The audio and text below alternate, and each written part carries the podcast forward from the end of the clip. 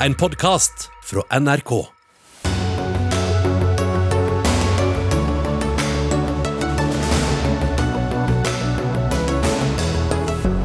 SAS fremstiller oss som syndebukker, sier flygerne i eh, selskapet, som bedyrer at de kan streike i ukevis. I mellomtiden søker selskapet konkursvern i USA.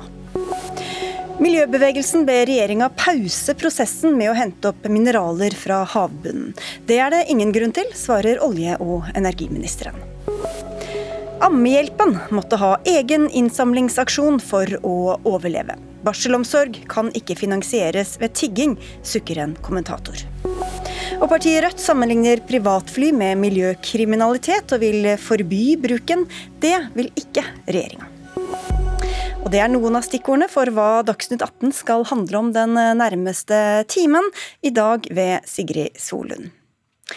Det ser ikke ut til å gå mot noen snarlig stans i streiken blant flyverne i SAS. Eh, Rundt 160 SAS-flyvninger er innstilt i dag, for i morgen ser det omtrent likt ut. Denne streiken kan dere holde på med i ukevis, sier du Alexander Vassland, du er forbundsleder i Norsk Flyverforbund. De siste tolv årene har det vært seks streiker hos dere. Hva er det ved denne streiken som er så annerledes, og som gjør dere så utholdende? Det som er annerledes med denne streken, er at dette handler om den skandinaviske modellen. Eh, vi mener at SAS eh, bryter med fundamentale prinsipper som vi har i vårt samfunn. Eh, når man da gir 560 flygere og en rekke kabinansatte beskjed om å ha uniformen klar når pandemien traff, for så å bli henta inn igjen når trafikken kom tilbake. Så kommer trafikken tilbake igjen, og så er jobben borte fordi at man har omorganisert selskapet og lagt disse jobbene inn i andre selskaper hvor man ikke har retten tilbake til jobben sin. Så det er kjernen i konflikten. Og så sa lederen av Norske Flygeres Forening til oss i går at SAS-ledelsen lenge holdt på med bevegelige mål. Hva ligger i det? Ja, det som er Vår oppfatning der er at i denne forhandlingen så har det uansett hvor mye vi har gitt, ikke vært nok. Eh, og Stadig vekk så har målet flytta seg. Man må gi mer og mer og mer. Eh, og så er det veldig viktig å si at eh, SAS-flygerne har vært veldig villig til og hatt forståelse for selskapets behov for å spare penger. Man har hatt forståelse for denne SAS Forward-planen, eh, og man har tatt det på alvor og jobba konstruktivt med å finne innsparingstiltak. Eh, men så fort man har gjort det, så har det stadig vekk kommet nye krav, eh, og så til syvende og sist så får man jo nok. Og det er klart, skal man si fra seg 25% av sine betingelser, så når man en smertegrense på et tidspunkt. Hva er de kravene som har kommet underveis, da? Nei, kravene er til økt effektivitet, fleksibilitet. Så rett og slett jobbe mer. Jobbe mer mer uh, ubekvem arbeidstid. Man snakker om å jobbe mange flere helger. Uh, tvungen deltid i visse perioder av året. Ned 5% i lønn osv. Så, så, videre. så det er en rekke tiltak man har vært villig til å inngå eh, avtale på, men ikke blitt møtt på det. Kjetil Høbjørg, norgessjef i SAS. Vi hører her flygerne har gått med på å gå ned i lønn. Det er det ikke mange arbeidsgivere som opplever. Hva sier det da at dere likevel ikke har klart å bli enige? Saken er at uh, i SAS så har vi en plan. Uh, vi kaller den SAS Forward, og vi mener at det må til for å kunne uh, gjenoppstå som et lønnsomt og bærekraftig selskap for fremtida. Og i denne planen så er det viktig for oss å få senka våre kostnader, slik at vi kan bli lønnsomme. Og det krever dessverre innrømmelser. Men de sier at de har kommet med innrømmelser, men så blir det avkrevd nye innrømmelser, og så nye. Hvordan det, har dere opplevd dette? Den planen vi har, SAS Forward, den har vært tydelig hele tida. Og vi har, i, eh, og det er vi enige med pilotforeningene om, at det er 800 millioner som vi har som mål innenfor uh, dette området. Og de, der er vi dessverre ikke. Nei, men Er du enig i at uh, der hvor kravene er blitt møtt, så har det kommet nye krav fra dere? Nei, nei vi har en, en plan hvor vi innenfor dette området skal spare 800 millioner. Jeg har lyst til å nevne at denne planen er på 7,5 milliard, og den er generøst fordelt over hele selskapet. og Både de som er i selskapet, men også utenfor. Og de 800 millionene er vi avhengig av å få til for å få eh, investorer interessert i å investere. Og Hvordan skal man få til det da, Vassland? Eh, man skal, og Det er jo akkurat det vi har gjort. Vi har vært med i dansen. Eh, helt siden i november vi sittet sammen med SAS for å prøve å finne gode løsninger. Man har gitt masse tilbud i forhold til å møte akkurat de behovene SAS har hatt i SAS forward-planen sin. Men problemstillingen er at målene har endra seg. Men jeg har lyst til å egentlig ta for meg det viktigste som jeg var inne på i stad, nemlig at vi mener jo at de fundamentale avtalebruddene SAS gjør, eh, det er det som er det mest problematiske. Ikke bare for oss, men for hele det norske arbeidslivet. Ja, La oss se litt på det, Holbjørg, for Dere har jo ikke bare omstrukturert, dere har opprettet to bemanningsselskaper. Og de flyverne dere kvittet dere med, har måttet søke på sine egne jobber og med andre betingelser. Hvordan er det i tråd med det norske arbeidslivet vi kjenner? Jeg må bare korrigere deg. Det er ikke riktig at, har, eh, at de søker på egne jobber. Dette mener vi er forskjellige jobber, og det er det som er bakgrunnen for hele vår, vår diskusjon.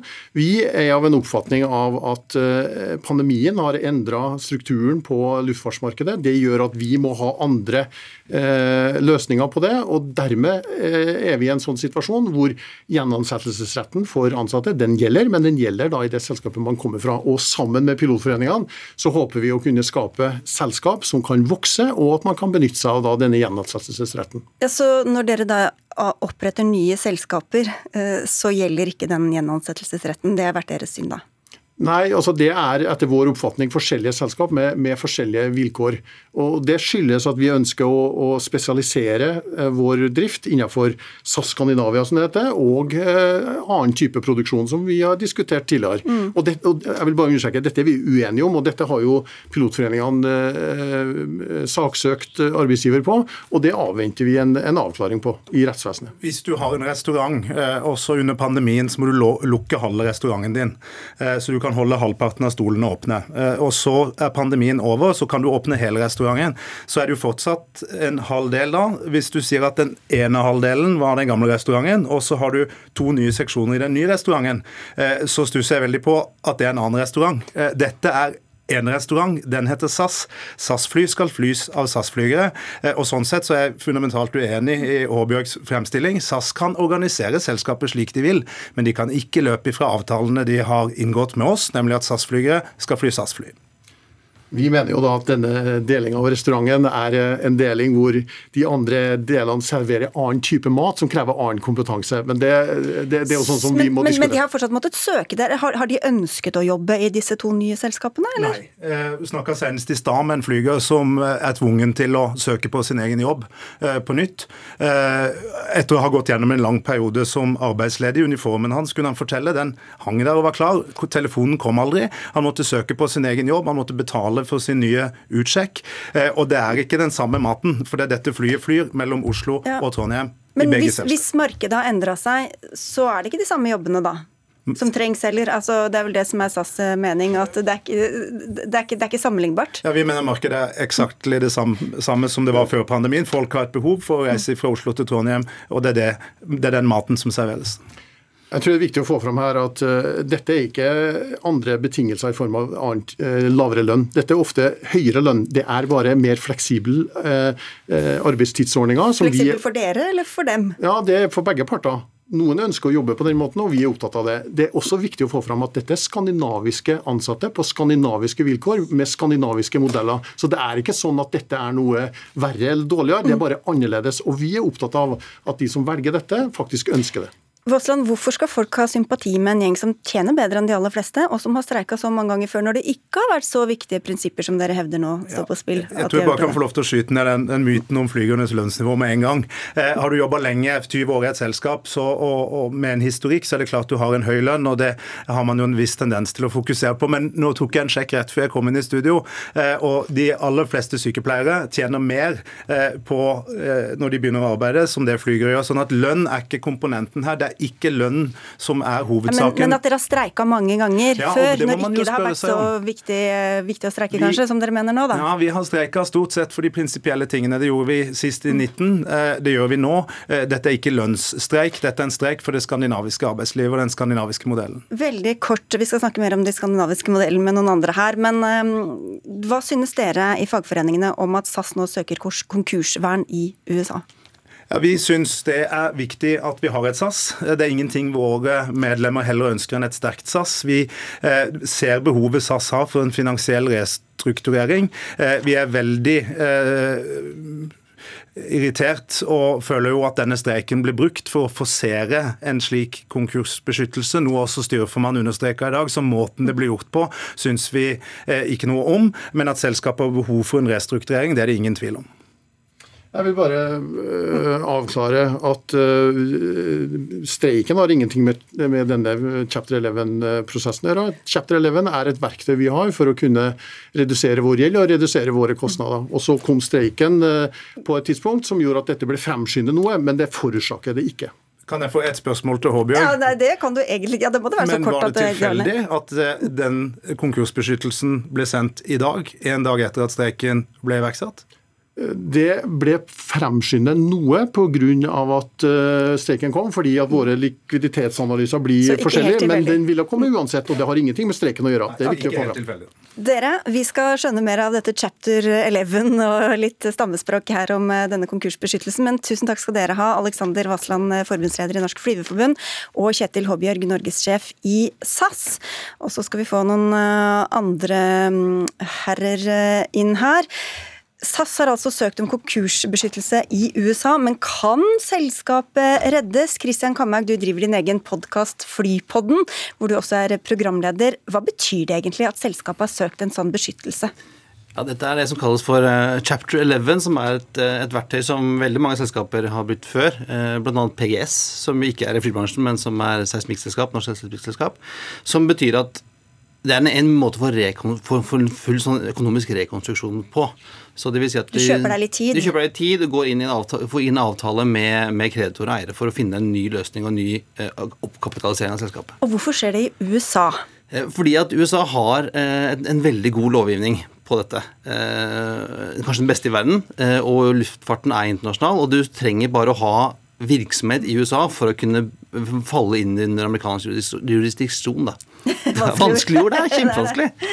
Kan det bety redningen for SAS?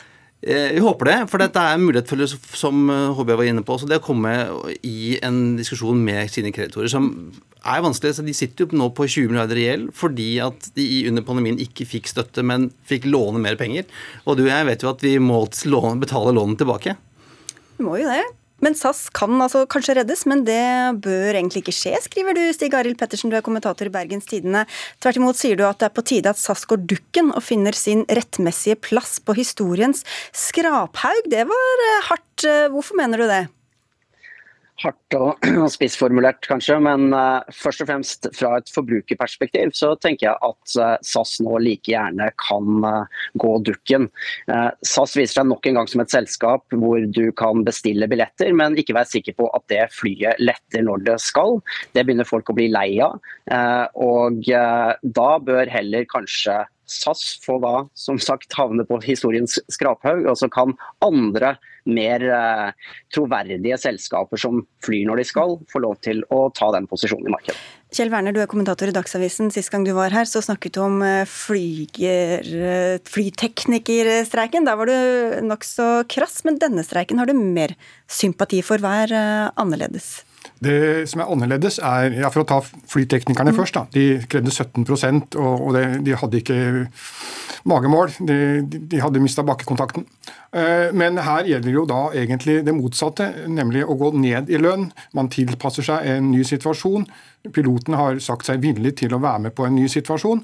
Eh, og, og de har jo signalisert lenge at eh, at de vil diskutere dette med, med, ledelsen. Allerede i november i fjor, som det kom fram her, så, så var man i gang med, med, det som kunne vært løst for lenge siden, uavhengig av selve tariffavtalen.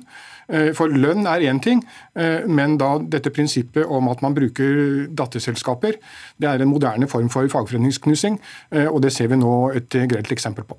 Pettersen, du, du skriver det vi var innom i forrige debatt her, nemlig at SAS-pilotene er nordiske mestere i streik. Hvor er din sympati for de streikene? Eh, min sympati for de streikende er ganske sterk i den forstand at eh, det er veldig lett å forstå at de kjemper for de rettighetene de har opparbeida seg med, med, rette over mange år. Det store problemet til SAS nå er at de skal ut og hente masse penger i markedet for å kunne holde seg flytende, for å kunne fortsette i konkurranse med lavprisselskapene, som har hatt en kjempestor fordel ved å starte fra scratch eh, og ikke har den historikken som SAS har siden ja, snart 75 år, fyller vi vel i, i, i august. Eh, sånn at eh, når de skal konkurrere med disse, hente penger i markedet, så må de ha en modell som investorene tror på. Og slik det ser ut nå, så vil ikke den modellen eh, være overens med det SAS-pilotene ønsker seg. Dermed kan SAS også slite med å hente penger som de trenger for å holde seg flytende, og dermed kan ikke SAS overleve som et selskap. Sagt veldig enkelt. Men kvitter, kvitter man seg da denne- Unnskyld. Det går bra. Kvitter man seg da med den nordiske modellen, da, som, som vi var innom her?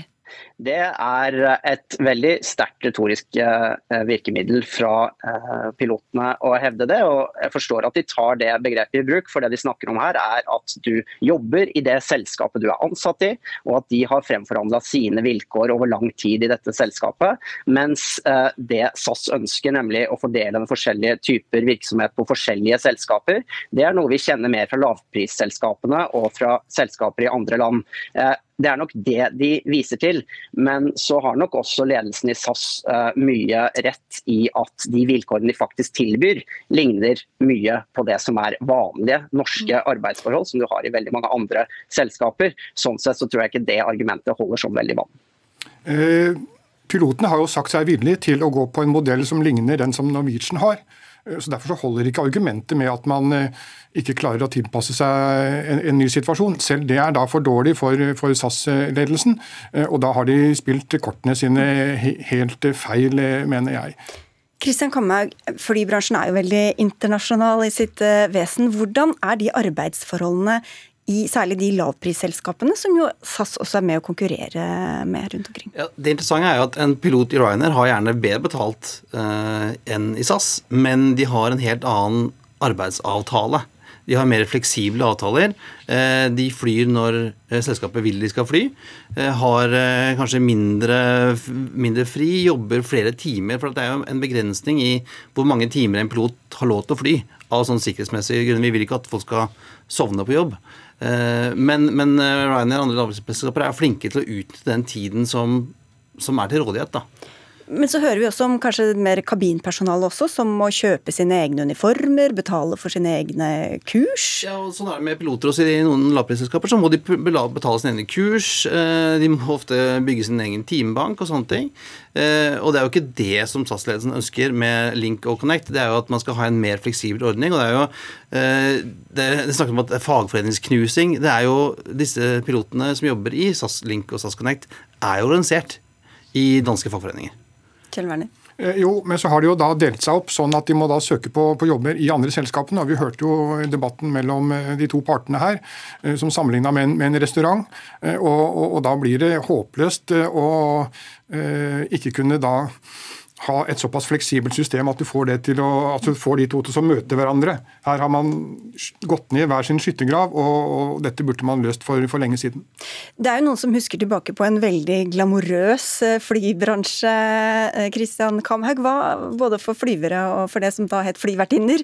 Hva skjedde? Det var jo en tid hvor eh, prisene var høye. eh, Kostnadene kunne da være dertil høye. ikke sant? Eh, Det fins jo historier om eh, SAS sin gamle rute til Montevideo, som hadde en stopp på Trinidad på vei ned. og Da gikk crewet av og ventet en uke på at flyet skulle fly tilbake igjen.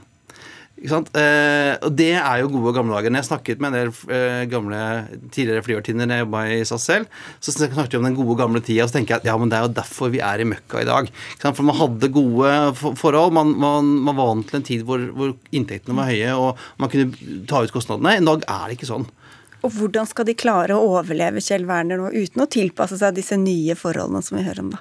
Nei, Da må du finne en mellomløsning, og, det har andre selskaper også klart. F.eks. Norwegian.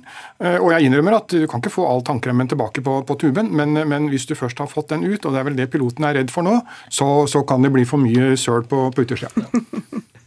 Vi lar det bildet hvile litt, og så sier vi takk til dere, Christian Kamhaug, Kjell Werner og Stig Arild Pettersen.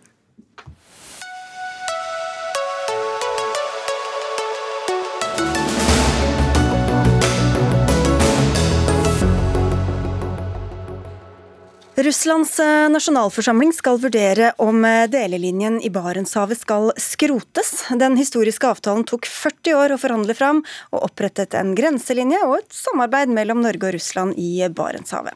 Jan Espen Kruse, Russland-korrespondent, du er med oss fra Moskva. Det er bare ni år siden avtalen ble ratifisert. Hva er det Russland er misfornøyde nå når det gjelder denne avtalen?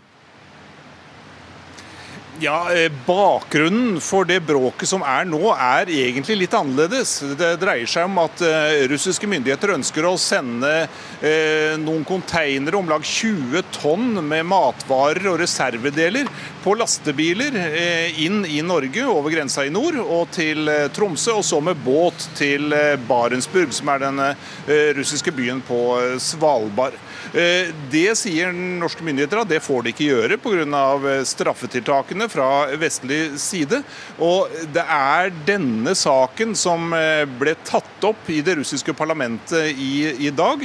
Og da eh, sier eh, lederen for eh, Dumaen, for eh, eh, Underhuset, altså det er jo hovedpersonen, lederen for det russiske parlamentet, han sier at nå vil man se på om avtalen om delelinjen, om den skal sies opp, eller om den skal Altså at, at man fra russisk side skal annullere denne avtalen. Så eh, dette er et slags press fra russisk side om å bruke eh, denne delelinjeavtalen for å få igjennom sine krav når det gjelder eh, å få forsyninger til Svalbard. Det er litt komplisert, men det er sånn det henger sammen.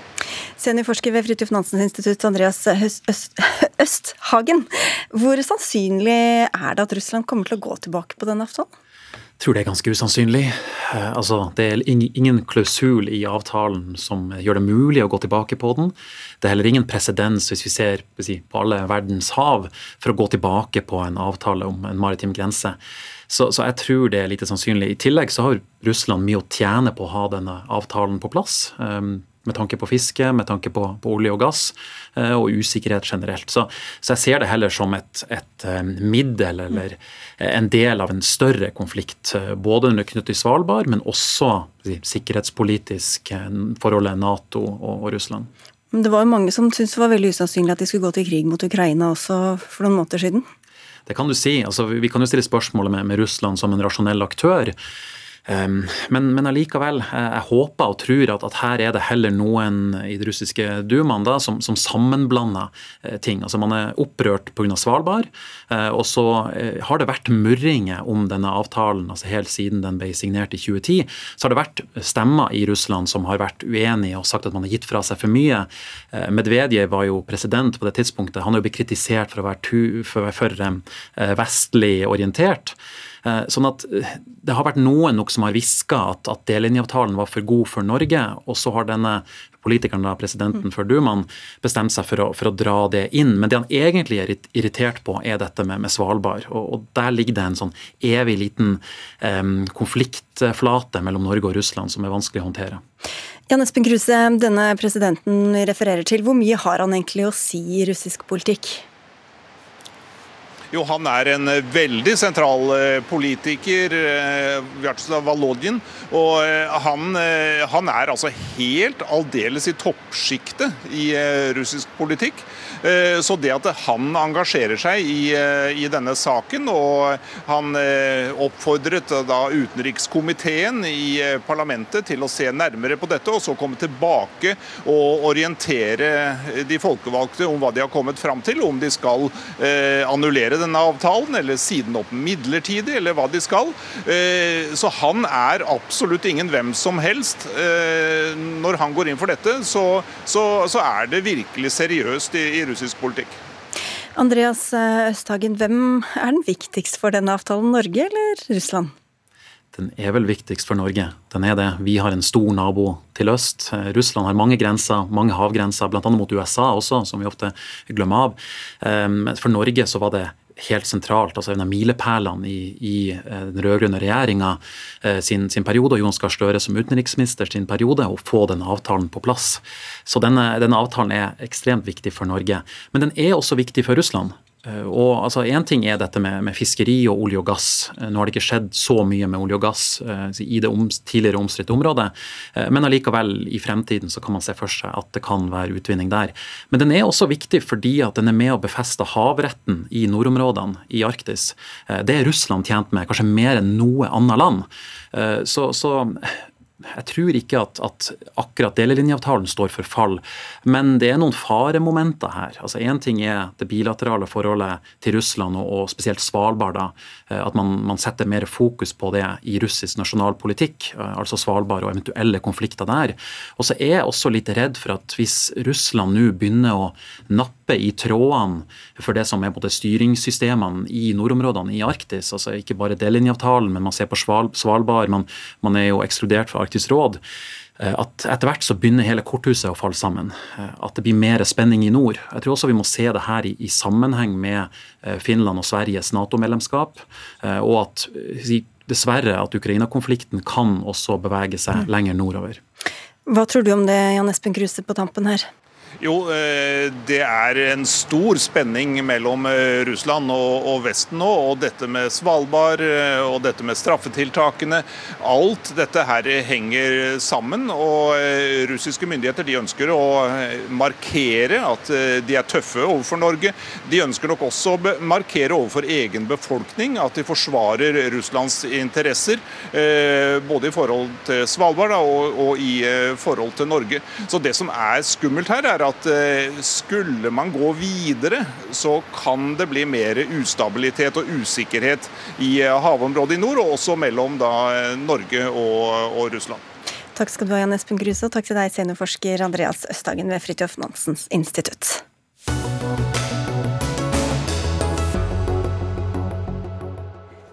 Vi holder oss i havet. Kan havmineraler bli et nytt eh, industrieventyr for eh, Norge? Den forrige regjeringa begynte på prosessen med å åpne havbunnen for å hente ut eh, mineraler. Og dagens regjering skal ta stilling til veien videre når konsekvensutredninga etter hvert er ferdig. Men flere land og organisasjoner mener det går for fort fram, og tar til orde for en midlertidig stopp på veien. Mer om det straks, men først olje- og energiminister Terje Aasland. Hva er det dere håper dere kan finne på havbunnen, og hvor viktig kan det bli for Norge? Jeg tror eh, havbunnsmineraler eh, kan være veldig viktig i det grønne skiftet. Vi trenger mer mineraler, og vi trenger en verden hvor eh, mineralene ikke er i så sterk geopolitisk kontrast. Altså kanskje grunnlag for konflikt, det også. Eh, så det å bli eh, selvstendig på en eller annen måte, ikke vi, bare vi som nasjon, men det å sørge for at vi har en eh, fornuftig tilgang på mineraler i det grønne skiftet og i fortsettelsen av utviklingen av velferdssamfunnet vårt, det tror jeg er helt vesentlig. Og Da tror jeg det er viktig at vi også får til prosesser som er gode, og som ivaretar de, det ansvarsområdet vi skal ha men på en sånn måte at vi, vi, vi, ser hva som er der, og hva som er utvinnbart eh, også på norske områder. Ja, For disse mineralene brukes til alt mulig fra mobiltelefoner til solcellepaneler ja, og batterier? Ja, til elektriske biler, og, til vindkraftanlegg, ja. til alt det elektriske vi skal omgi oss med i det grønne skiftet, så er det viktig at vi har tilgang på mineraler. Og mm. EU har jo også starta en prosess nå hvor de ønsker å eh, gjøre seg mer uavhengig av f.eks.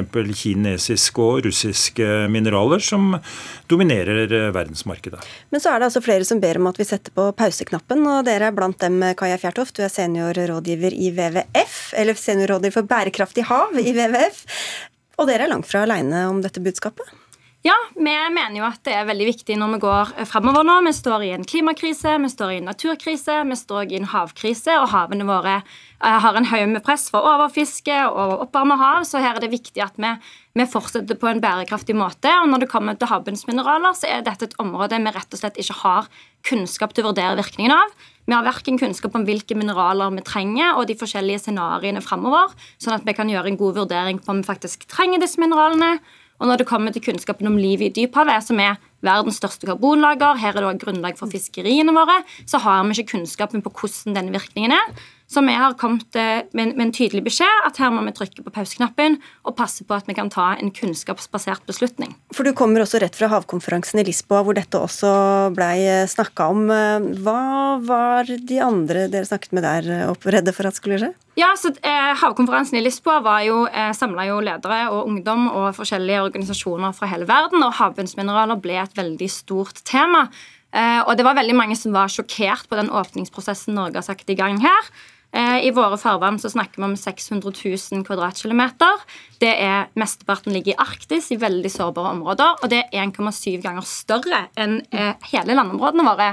og det skal konsekvensutredes på to år. Så syns jeg det er veldig hyggelig å si at ministeren sier at her skal man passe på at man tar beslutninger på et godt kunnskapsgrunnlag og en bærekraftig måte. Og den sittende regjeringen har jo vært veldig opptatt av det, og lanserte jo bl.a. denne havmiljøloven nå på mandag. Men den er ikke verdt noe hvis vi ikke ivaretar og lytter til, til våre egne forskningsmiljøer. Nei, altså Det er ingen tvil om at havet er uh, viktig. Uh, og det er viktig at vi ivaretar de kvalitetene som havet kan gi samfunnet vårt totalt sett.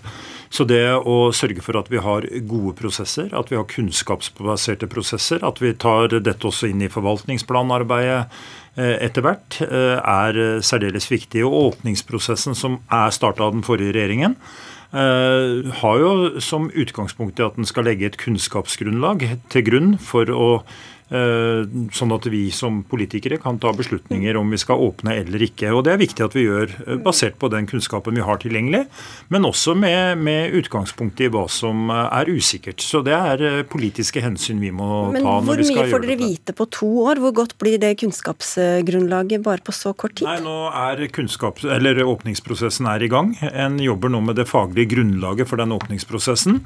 Og så vil jo da åpnings, Når de, den, det dokumentet kommer, så vil det være en, eh, samles i en konsekvensutredningsrapport. Og denne vil jo da danne grunnlaget for om vi kan ta beslutninger eh, når vi kommer dit. Men jeg tror at Norge har en veldig god eh, posisjon, god tradisjon i å forvalte havområdene på en god måte. Eh, og ikke minst så har forvaltningsplanene og alt vi har gjort med, med aktivitet på havet, vist seg å være egentlig kunnskapsbasert, og at vi har gjort det på et uh, trygt uh, grunnlag. Det, bare si, for det, det, er flere som har vært ute og snakket om dette. Den franske presidenten er i en EU-parlamentet. Fiji, hva er det de sier, Fjertoft? De er veldig tydelige på at her har vi ikke nok kunnskap, og vi er nødt til å vente med en beslutning til den kunnskapen er på plass. Og det er veldig flott å ville igangsette en konsekvensutredning, men da må man passe på at man har nok tid. Og det som er situasjonen i dyphavene våre i dag, er at når vi skal ned og kartlegge, så er det litt som å gå ned med en lommelykt inn i skogen i nattens mulm og mørke og skinne rundt. Og Av og til så får du noen insekter som kommer bort, men det er òg mange dyr som går vekk. For vi har rett og slett ikke god nok kartleggingsteknologi til å kartlegge dette på en god måte. Og Det kommer òg veldig tydelig fram i konsekvensutredningsprosessen som Norge har gående. Der har jo allerede grunnlagsrapportene blitt presentert, det faglige grunnlaget. Og det er sammen store kunnskapshull i den biologiske kunnskapen her. Så Derfor mener vi at du har rett og slett ikke kunnskapen til å, å vurdere virkningene, og det er òg tydelig i våre havområder. Og så Miljøpartiet De Grønne foreslår en ti år lang utsettelse. Hvor lang tid vil dere ha? Vi mener ikke at det er nødvendig å sette en tidsramme på det, for det handler om ressurser og energien man putter inn i å tilegne seg dette kunnskapsgrunnlaget. Og det handler jo også selvfølgelig om størrelsen på området man skal se på. Så derfor er kan man si 10 år, man kan si 15 år. Vi er mest opptatt av at de kriteriene som er i moratoriet, eller pausen, som altså er et godt nok kunnskapsgrunnlag om miljø og et godt kunnskapsgrunnlag om mineralbehov, må inn. Og Det kunnskapsgrunnlaget det kan vi altså ikke stadfeste helt før vi har Eh, gjennomført åpningsprosessen, fått konsekvensutredningsrapporten på bordet som sendes ut på offentlig høring. Da vil vi som politikere kunne se hvilket eh, grunnlag og hvilken, eh, hvilken høringer som, høringsinnspill som kommer inn til denne. Og Så skal vi ta beslutning basert på en god tradisjon om at vi skal forvalte havet på en god måte. Men Fjertoft, som Aasland var inne på her, vi vil jo ha all denne nye teknologien og disse mineralene som brukes til alt som vi ønsker oss i det grønne skiftet. Hvor skal vi få de mineralene fra ellers? Det er jo veldig viktig at vi ser på flere forskjellige løsninger. Så er det også det med at havbunnsmineraler, Hvis du ser på teknologien som eksisterer der i dag, så har vi rett og slett ikke teknologien hvis man skulle drive med gruvedrift på havbunnen til å gjøre det. Så det kommer også til å ta tid. Så de mineralene tror vi rett og slett vil komme for seint til det grønne skiftet, som som sagt også regjeringen sier at det trenger vi å gjøre nå. Så her må vi inn med sirkulærøkonomiske løsninger, og det er jo også tydelig i Hurdalsplattformen at man er opptatt av det. Og så må man òg se på reduksjon av forbruk som en viktig faktor der. Jeg er enig i at vi må se på alle alternativer, sånn at vi klarer å ivareta de mineralene som allerede er utvinnet, og holde de i, eh, i økonomien. Og det å ha resirkulering av materialer osv. er kjempeviktig, men vi vil mangle mye. Vi vil mangle veldig mye mineraler til det grønne skiftet. Og vi står i et etisk og moralsk dilemma totalt sett, både i forhold til det å ivareta havet vårt, som vi skal gjøre, men også det å delta i mineralutvinning totalt sett, som jo eh, egentlig verden trenger. Så det er jo også et etisk og moralsk spørsmål. Og så er det ikke sånn at vi skal åpne opp for gruvedrift i tradisjonell forstand, som mange tenker seg at dette gjøres på land. Tvert om, en skal bruke mye av den kanskje mer finmotorikken og finmekanikken nettopp for å søke om det er riktig å gå videre også på, på å ta ut havbunnsmineraler. Så dette går an å gjøre på en skånsom måte, og det er det heldigvis uh, politikerne også som, som bestemmer, ut ifra gode prosesser hvor vi sørger for at uh, vi har høringer, det er mulig å komme med innspill og okay. fatte beslutninger til slutt. Men så er det også sånn at Norges nåværende statsminister Jonas Gahr Støre han tok over etter forgjengeren og leder Havpanelet. Det samme panelets fagfolk advarer om at gruvedrift eh, på havbunnen kan være i konflikt med FNs bærekraftmål. Hvorfor lytter ikke panelets leder til panelets egne eksperter? Nå er vi i en prosess hvor altså åpningsprosessen er i gang. Så får vi en konsekvensutredningsrapport som vi skal sende på høring, og så skal vi ta beslutning etter det.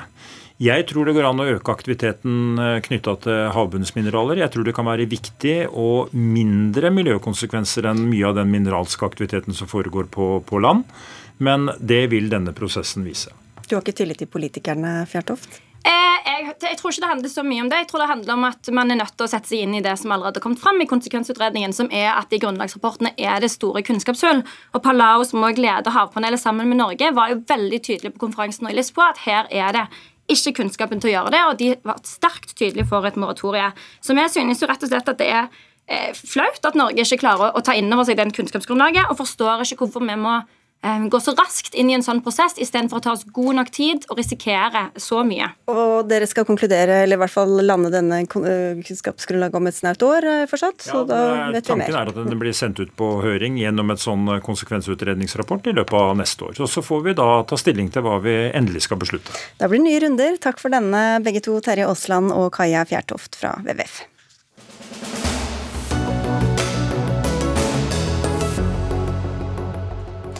Hva gjør man egentlig med kunst fra avdøde kunstnere? Kulturrådet har fått flere henvendelser fra personer som ønsker eh, hjelp til å ta vare på kunst de har arvet. I dag finnes det rundt 20 eh, 000 kunstnere i Norge, men det finnes ingen støtteordning for å hjelpe kunstarvinger med hva de skal gjøre med samlingen. Dette er eh, alvorlig, at folk ikke får tatt vare på kunsten, sier du Erik Botten Nikolaisen. Du er kurator og leder et prosjekt som vil få arven etter billedkunster Sigurd Vinge fram i lyset. Utgangspunktet for ditt eh, engasjement var at Sigurd Vinges sønn Stein Winge arvet en stor samling på rundt 1400 verk, som etter hvert er blitt ivaretatt og lagret ved hjelp av private midler. Men hva kan generelt være utfordringene ved å arve sånne kunstsamlinger? Det er jo eh, litt ettersom hvor stor mengde det er. Eh, utfordringene ligger jo i dette her med å få en oversikt, først og fremst. Og, øh, og, det ligger jo litt i ordet arv. altså Det har nettopp skjedd noe ganske trist øh, antageligvis i en familie. Så det er jo det å få liksom en oversikt i en situasjon hvor det er veldig uoversiktlig ofte. Øh, men utfordringen ligger jo i dette her med at Det kommer an på mengde, selvfølgelig. Men når det er store mengder, så, så, er det jo Folk flest har jo ikke verken kompetanse eller tid og råd til å, å, få sortert dette her og få en oversikt. Men hvorfor eh, skal det offentlige ta seg tid og råd til det, da? Det er jo det vi sitter og snakker om nå, forhåpentligvis. Eh, det er jo litt forskjellig fra kunstner til kunstner og fra profesjon til profesjon eh, i kunsten. Men, eh, men det er jo litt det som er interessant, da, å høre det offentlige. Hva, hvordan kan vi samarbeide rett og slett, for å få dette til å flytte? Man skulle kanskje tro at det offentlige ønsket å få disse verkene. Jonas Ekeberg, du er fagansvarlig for visuell kunst i Kulturrådet. Hvorfor er det ikke noen sånn ordning? Altså Det er jo en ordning. Det er noe som heter Nasjonalmuseet, og vi har en rekke regionale museer. Så de eh, vurderer jo og håndplukker. Når vi snakket om det her, Jeg tror de har 20 verk pluss minus av Sigurd Winge i Nasjonalmuseet. Og da er de antageligvis fornøyd. Og så sitter du med over 1000, var det så, nå sammen med arvingene. Ja, da er inkludert skisser og ymse, så ja. Mm. Ikke sant. Og så er det en viss tradisjon for at eh, noen sånne, eh, og gjerne da de litt karismatiske gutta, de ordner seg før de, før de, når de nærmer seg slutten, og får et eget rom på det lokale museet, eller, eller til og med noen får opprettet egne, egne museer etter seg. Men situasjonen og bildet er jo så mye større. Så det vi har gjort i Kulturrådet, eller det rådet har bestemt, er å sette av penger til å utrede dette spørsmålet. Det høres eh, litt kjedelig ut. Utredning er som regel sånn, svar på det meste. Sånn begynner vi. Vi må skaffe en oversikt over dette. Men, men hvorfor kan ikke arvingene etter hvert da, selv ta vare på det, eller gi det videre til dem som måtte ha det? Eller selge det til uh, interesserte? Eh, jo, det kan du si. F.eks. har man en låve, har man et lager, har man et loft, har man en kjeller, eller alt samlet, så er det jo enorme mengder hos noen. da. Det kommer jo an på kunstneren og porteføljen. Selvfølgelig, men dette her er jo med å både selge og gi bort også få en struktur. Uansett så må ting loggføres og katalogiseres, og man må få en oversikt. Og det tar enormt mye tid. Men mener du at det er en oppgave for det offentlige? Eh, det er jo i hvert fall en debatt som bør på banen. Hva syns du, da? Vi har, vi, har, jo den debatten nå. Ja, altså ja og nei. Eh, det kommer jo an på kunstneren og virket. Og, og, og, det er jo det offentlige og også disse ekspertene som, har, som kan sortere og ta en grovsortering, en førstesortering på hva som er relevant eller ei. For det er klart at det er jo et relevant spørsmål der, som, som de profesjonelle i det offentlige får ta seg av. Men definitivt, det er jo viktig viktig å få, hvert fall sett, å få belyst dette her, og, og se hvor vi kommer med det. For man kan jo gå glipp av fine verk også, da, Ekeberg? Ja, absolutt. Så Det er jo det som er så interessant her. Eh, det er et sånt enormt spenn av muligheter egentlig. Eh, det ene er jo kulturarvaspektet og vår felles eh, eh, kulturarv og det vi ønsker å gi videre, gi videre og som samfunn ta vare på. Men det er også et inntektspotensial, som ordstyrer antyder. Og det er mange nivåer. Noe kan tilhøre et lokalsamfunn, kanskje. Noe kan ha nasjonal verdi osv. Det vi ser i jeg tror det er Tyskland og Østerrike, hvor det begge steder fins noen sånne institutter, kaller de det, som rett og slett gir råd til arvinger, som kan eh, by på eksperthjelp, som kan sørge for at det kommer til riktig sted. Fordi, som du sier, første, det første leddet der er jo veldig viktig å skaffe en oversikt. Hva skal man legge vekt på da, når man bestemmer hva som skal eventuelt kjøpes inn eller tas, tas imot, eh, og hva som ikke skal gjøre det? Ha, dette er kunsthistorikernes oppgave. Det har de heldigvis eh, veldig god kunnskap om rundt på museene. Eh, men det er klart at det er en del museer som har brent seg på å si ja, vi tar alt sammen. Og så sitter de da med et magasineringsproblem, et forskningsproblem, et formidlingsproblem osv. Så, videre. så det, dette, det, det, tetter seg fort i de offentlige samlingene. Så at alt det, Og dette er jo i utgangspunktet private samlinger og private arkiver. Og at det offentlige skulle ha ansvar for alt, ville være å, å misforstå. Men at det offentlige i hvert fall kan se på det. Og kanskje finnes det en mulighet, eh, etter at utrederne har sagt sitt og vi har jobbet med det, og hvis politikerne også kommer på banen, eh, til et slags offentlig-privat samarbeid her om en eh, stiftelse eller et institutt som kan komme arvinger i møte, og i hvert fall sørge for at det blir en faglighet i dette. Og kunst er jo et marked på linje med andre, Nikolaisen. Så selv om det er noe som eh, la meg si, mannen din eller kona di eller faren din eller moren din har brukt hele livet på å produsere, hvis ikke det er etterspørsel etter det, så, mm. så er det ikke det, da. Nei, det er jo sånn det er. Men det er litt sånn flavor of the day, det også. Så Duchamp hadde vel ikke blitt kvittet på pissoar eh, i sin tid nødvendigvis, han heller. Men nå er det jo å finne på store museer. Eh, så det er litt den eh, evigvarende debatten hva er kunst og hva skal ivaretas. Eh, det er også en, en, en, debatt. Som du sier, kunsthistorikerne er heldigvis svært profesjonelle, og de kan håndtere det. Men det er også et, et lokalt anliggende. For verdien av en kunstner er jo også en lokal ressurs som vi kanskje ikke kjenner så godt til i de forskjellige regionene i Norge. Slik at jeg kan jo se på at en, en lokal oppveining kan også være en viktig ledd da, i, i forståelsen av kunsten og kunsten kunstneren for å se på en, en slags verdi, da, både åndelig og materielt. Men nå kan du pusse lettet ut, for nå kommer det en utredning. Herlig. Så bra. Takk skal dere ha, begge to. Eirik Botten Nikolaisen og Jonas Ekberg fra Kulturrådet.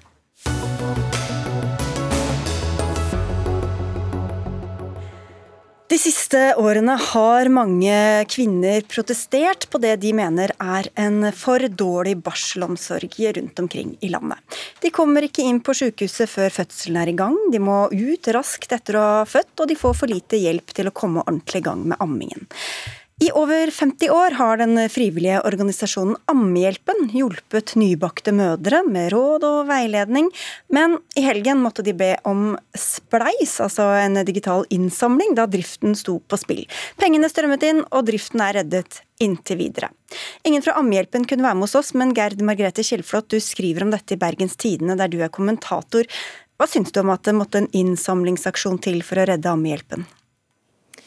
Det burde jo være helt uh, unødvendig. Uh, dette er en organisasjon som burde hatt en, en, trygg statlig finansiering, fordi de er en hjørnestein i, i norsk barselomsorg. Uh, de tilbyr ammeveiledning, svarer på spørsmål og, og lager opplæringsmateriale som helsepersonell viser til. De har 30 000 henvendelser i året Eh, så hvis de forsvinner, så vil det jo etterlate et stort hull i barselomsorgen som det offentlige ikke klarer å fylle. Og det er jo det store problemet her. Karl Christian Beking, du er statssekretær i Helse- og omsorgsdepartementet. Hvorfor skal man ha privat innsamling for at eh, mødre skal klare å amme? Det er ikke slik at man skal være avhengig av kun ammehjelpen for å kunne få ammeveiledning. Eh, og Det er viktig å understreke her at eh, veldig mye, kanskje mesteparten av det som foregår av ammeveiledning, foregår jo på føde- og barselsavdelingen i den kommunale helsetjenesten. Dette er jo et supplement, et viktig supplement og et godt supplement som vi også har på andre områder. I både kreft og psykisk helse finnes det frivillige organisasjoner som gjør en ekstrajobb jobb, som vi setter veldig pris på, som også gjør at det er en post i statsbudsjettet på dette. Ja, det er jo sånn Frivillige organisasjoner har alltid vært et viktig supplement supplement til det offentlige helsevesenet, Kjell Flått. Hvorfor er det så farlig at det er sånn her? Eh, han, han, har jo helt rett at det finnes et tilbud i det offentlige, men eh, det er også sånn at det er veldig begrensa. Mange slipper ikke til, og de som er heldige å slippe til på en ammepoliklinikk f.eks., eh, de må ofte vente veldig lenge. Og mange bor jo langt fra sykehus og, og er overlatt til eh, om det finnes kunnskap på den nærmeste helsestasjonen. Det er ganske tilfeldig. Det er altså ikke i nærheten av å være et godt nok tilbud eh, med hjelp, Og det endelige beviset på det er jo den enorme pågangen hos Sammehjelpen. Ja, du sier at myndighetene utnytter situasjonen og fraskriver seg ansvar her.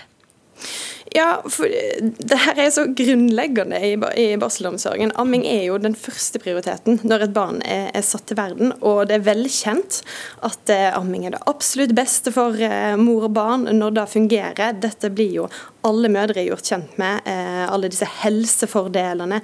For mange blir, eh, blir jo dette en så stor ting at det er et stort press, selv om det er en annen debatt. Eh, men det skjer ikke av seg selv. Eh, amming er en enorm jobb selv når det fungerer. Og for mange så er dette veldig trøblete.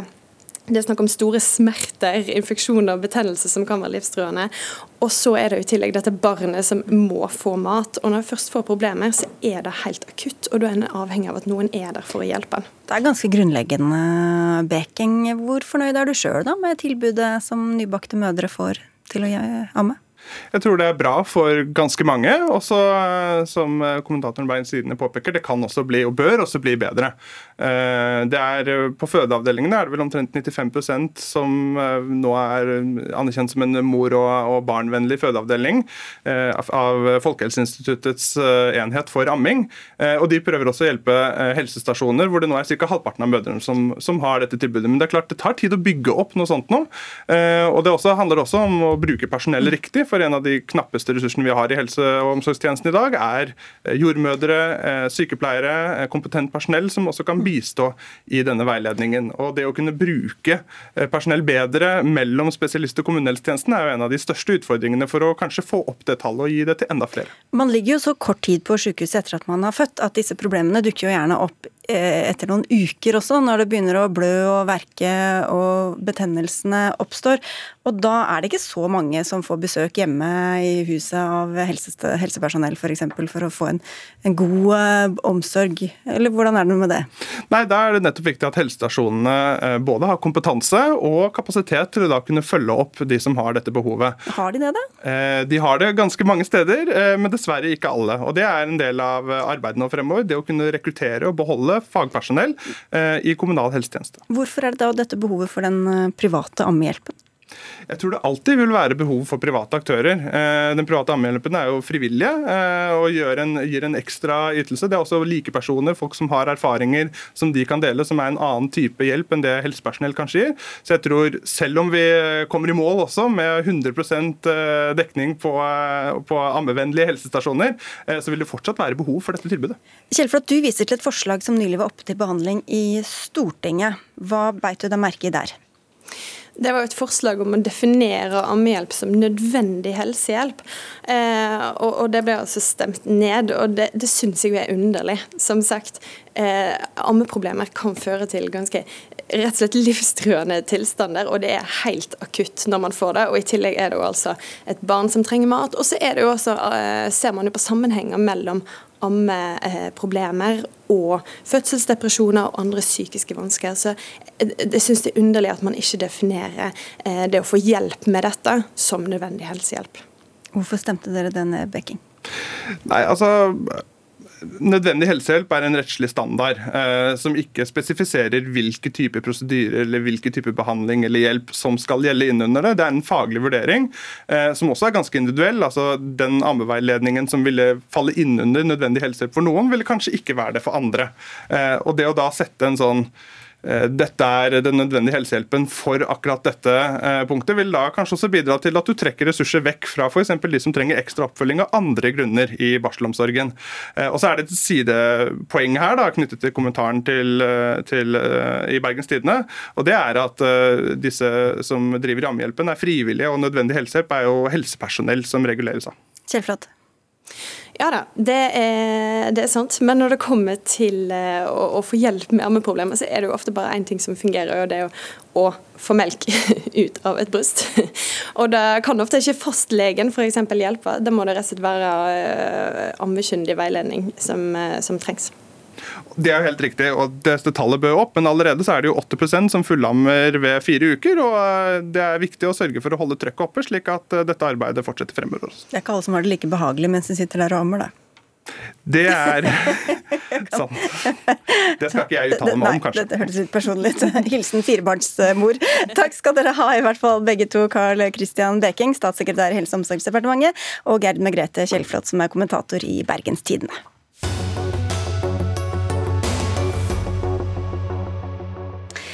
Mens SAS-flygerne streiker, så kan det kanskje friste å ta privatflyet fatt for å komme på ferie, så fremt man da eier et av de 683 privatflyene som er registrert i Norge. Ifølge Finansavisen så økte både salget og bruken av privatfly under koronapandemien, men nå sier dere til Vårt Land at privatfly bør forbys. Hege Ba Nyholt, du sitter på Stortinget for Rødt. så Hva skal dere oppnå ved å forby disse flyene? Nei, nå er vi i en situasjon hvor vi ser at uh, en liten eh, del av befolkninga, altså de som har aller mest, også er de som forurenser aller, aller, aller mest. Det handler både om uh, hvor de plasserer pengene sine, men det handler også om eget forbruk. Og målet med å forby er jo at de samme folka som har råd til å eie en privat jet, har jo også råd til å betale seg ut av å bruke den. Og det er et helt unødvendig luksusforbruk som er skadelig for miljøet og for kloden kloden vår, og det haster å gjøre noen liksom ordentlige tiltak for å sikre klimaet. Men hvor mange tonn CO2 eh, og andre klimagasser eh, mister man, holdt jeg på å si, eller går man går ned hvis man kutter disse privatflyene, da? Du, nå har jeg lest alle disse tallene mange ganger, og det, det, er mange tall, og det er store tall. Og poenget er jo at uh, én eh, av disse som f.eks. bruker en jet, eh, kan på et eh, halvt år bruke eller fly like mye som mennesker gjør i hel, hele livet sitt. Sånn at de forbruker ekstremt mye mer enn det som si, vi vanlige gjør. og mange av flyrutene er jo også i strekk som det går hva skal jeg si, godt med rutefly på. Eksempel så er det sånn at Odd Reitan har flydd mye mellom Trondheim og Oslo. Det er jo en strekning jeg kjenner godt, jeg pendler den selv. Der er det godt med plasser på flyene. Det er helt unødvendig å skulle ha en privatjet for å klare det. Det kan hende at Reitan har et annet syn på det. Nå er ikke han her, så vi kan jo la han eh, få, få ro. Men Alexander Ørn Heen, du er statssekretær i Klima- og miljødepartementet. Hva sier du til å forby privatfly? Nei, Jeg tror som en er inne på at dette er et tiltak som vil ramme svært få, og som gir i det store bildet en veldig begrensa klimaeffekt. Og Så får de som bruker privatfly og som har råd til det, svare for seg sjøl, tenker jeg. Men, men at det, det, er ikke dette som er det viktige, store grepet for å redusere Norge sine samla klimagassutslipp. Det har vi andre og mye bredere virkemiddel som er mye viktigere enn å gå løs på noen få enkeltpersoner til. Men nå er det vel sånn eh, når man skal kutte klimagasser at man ikke kan bare ta et par grep. Man må se på absolutt alle sektorer, ifølge Miljødirektoratet og andre. Hvorfor da skal noen få lov å sitte, slippe ut så mye? På egen Nei, det, vi, altså det vi har tenkt å gjøre, eh, er jo at vi skal gjøre det dyrere for dem eh, å bruke privatfly, gjennom at de må skatter for det hvis f.eks. privatfly er registrert på et foretak og en bruk, eier det foretaket, så er ikke det i dag en slags beskatning på det. Det ønsker vi å innføre. Nett som hvis du har en firmabil som du bruker privat, så må du eh, skatte av den fordelen det er. Så, så der vil det bli gjort noen grep, sånn at det blir mer kostbart å bruke disse privatflyene. Men å gå til et forbud eh, er nok kanskje ikke det mest hensiktsmessige. Nå er jeg jo usikker på hvor mange av de privatflyene som blir nevnt her, de 600 som eh, faktisk blir brukt veldig mye. Og hvor stort dette omfanget er, har ikke vi så veldig gode tall på. Eh, men det er nok andre tiltak som vil treffe bedre, og, og regjeringa er jo i full gang med flere gode klimatiltak, bl.a. et eh, veikart for eh, grønn industri eh, er på beddingen, og en rekke andre tiltak som gir effekt. Nyholt. Ja, Men så er det jo sånn at de her privatflyene, eller privatjetene, da, de har store utslipp eh, på å transportere noen få eh, framfor ja, kollektive løsninger som tog, og for så vidt også rutefly, hvor du har relativt mange flere mennesker inni. Og som jeg nevnte, så er det sånn at har du råd til å eie en privatjet, så har du råd til å betale deg ut og bruke den også, sånn at det kutter på en måte hva ikke mener, noe. Hva mener du med det? At du jeg regner med at da har du råd til å eie en privatjet, så, så vil du kunne betale seg ut av det. Ja, Det har ikke noe å si hvis man bare gjør det dyrere, mener du? Jeg ser ikke at det skal ha noe veldig å si nei. Eh, Og så er det selvfølgelig helt riktig som det blir sagt, at eh, det er ikke nok å forby privatjetter, eh, men det er et luksusforbruk som er unødvendig, og så er vi nødt til å ha Hvordan vet du det egentlig, at dette bare er snakk om unødvendig luksusforbruk? Nå har vi hatt en koronapandemi hvor vi i veldig liten grad kunne møtes. Da oppdaga vi at det var fullt mulig å ha møter digitale eh, for helt eh, vanlige folk. Vi hadde alt mulig rart på, på nett, og det gikk sånn tålelig greit. I tillegg så er det et godt utbygd både flynett og ikke alle steder, men mange steder kollektivtransport i form av buss og tog. Eh, og det er nok helt sikkert litt ulikt hva man opplever som nødvendig, men for det store flertallet som ikke har muligheten til å bruke privatjet, så framstår det nok som et luksusforbruk, ja. Ja, Det var jo de vanlige folka dere skulle gå i regjering for, Hen. Hvor mange vanlige folk er det som har privatfly, da? Nei, Svært få, vil jeg anta. Eh, Og det er ikke slik at jeg står og forsvarer privatflybruken. Jeg vil oppfordre dem til å ta mer klimavennlige eh, reisemåter i bruk. Eh, Men det som òg Rødt setter fingeren på her, er jo at det er store sosiale skilnader, altså store forskjeller i inntekt, eh, som òg speiler seg av i hvor store utslipp en har. Og Det er en veldig interessant debatt som Rødt løfter opp. Og Det å kunne gjøre noe med de store forskjellene, det å skattlegge det luksusforbruket hardere, det at de som har mest... mest Hva mener du er luksusforbruk, da? Jeg tenker unødvendig reising er, er jo et slags luksusforbruk. Altså Hvem reising som bestemmer hva som er unødvendig og hva som er Nei, Det er jo opp til hver og en, men det er klart at prisen på å reise vil jo kunne eh, påvirke hva som er nødvendig og hva som ikke er nødvendig. Derfor kan en skattlegge hardere den den Jo, type men du sa jo nettopp at det var ikke flyene som var eh, det store problemet i utslippssammenheng. Så hvis man vet da at det- det er en veldig få var- som står for veldig store deler av utslippene, hvordan skal man da få de utslippene ned? Det jeg sa var at eh, det er ikke de få privatfly som velter Norge sine klimagassutslipp, men det er helt riktig at de òg må redusere den bruken. Derfor ønsker vi å skattlegge det på en annen måte enn det blir gjort i dag. Og da får du mer penger inn i statskassa samtidig, Nyholt. Det må jo dere være superglade for.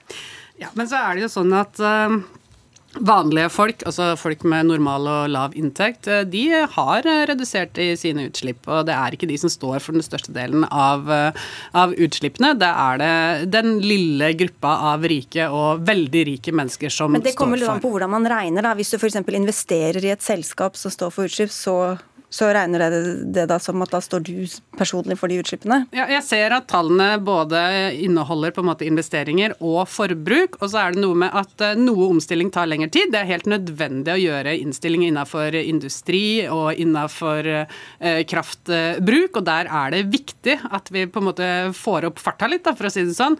Men eh, dette er jo, i hvert fall fra Rødts perspektiv, et tiltak som er ganske enkelt å Men, men de, de, de rike som investerer i grønn energi, da, de skal få slippe? Nei, det, det var ikke det jeg sa. Det jeg sier er at det trengs, eh, det trengs mange tiltak. Og vi har også laga en uh, industriplan og mener at vi trenger uh, et grønt skifte i industrien. Og mener jo bl.a. at staten bør investere i det grønne skiftet. Imens er det bare å ta privatflyet fatt, i hvert fall. Takk skal dere ha, Hege Ba Nyholt eh, fra Rødt og Alexander Ørn Heen, som er statssekretær i Klima- og miljødepartementet.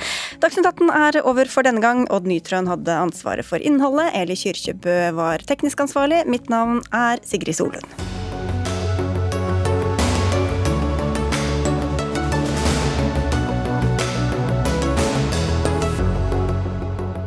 Du har hørt en podkast fra NRK. Hør flere podkaster og din favorittkanal i appen NRK Radio.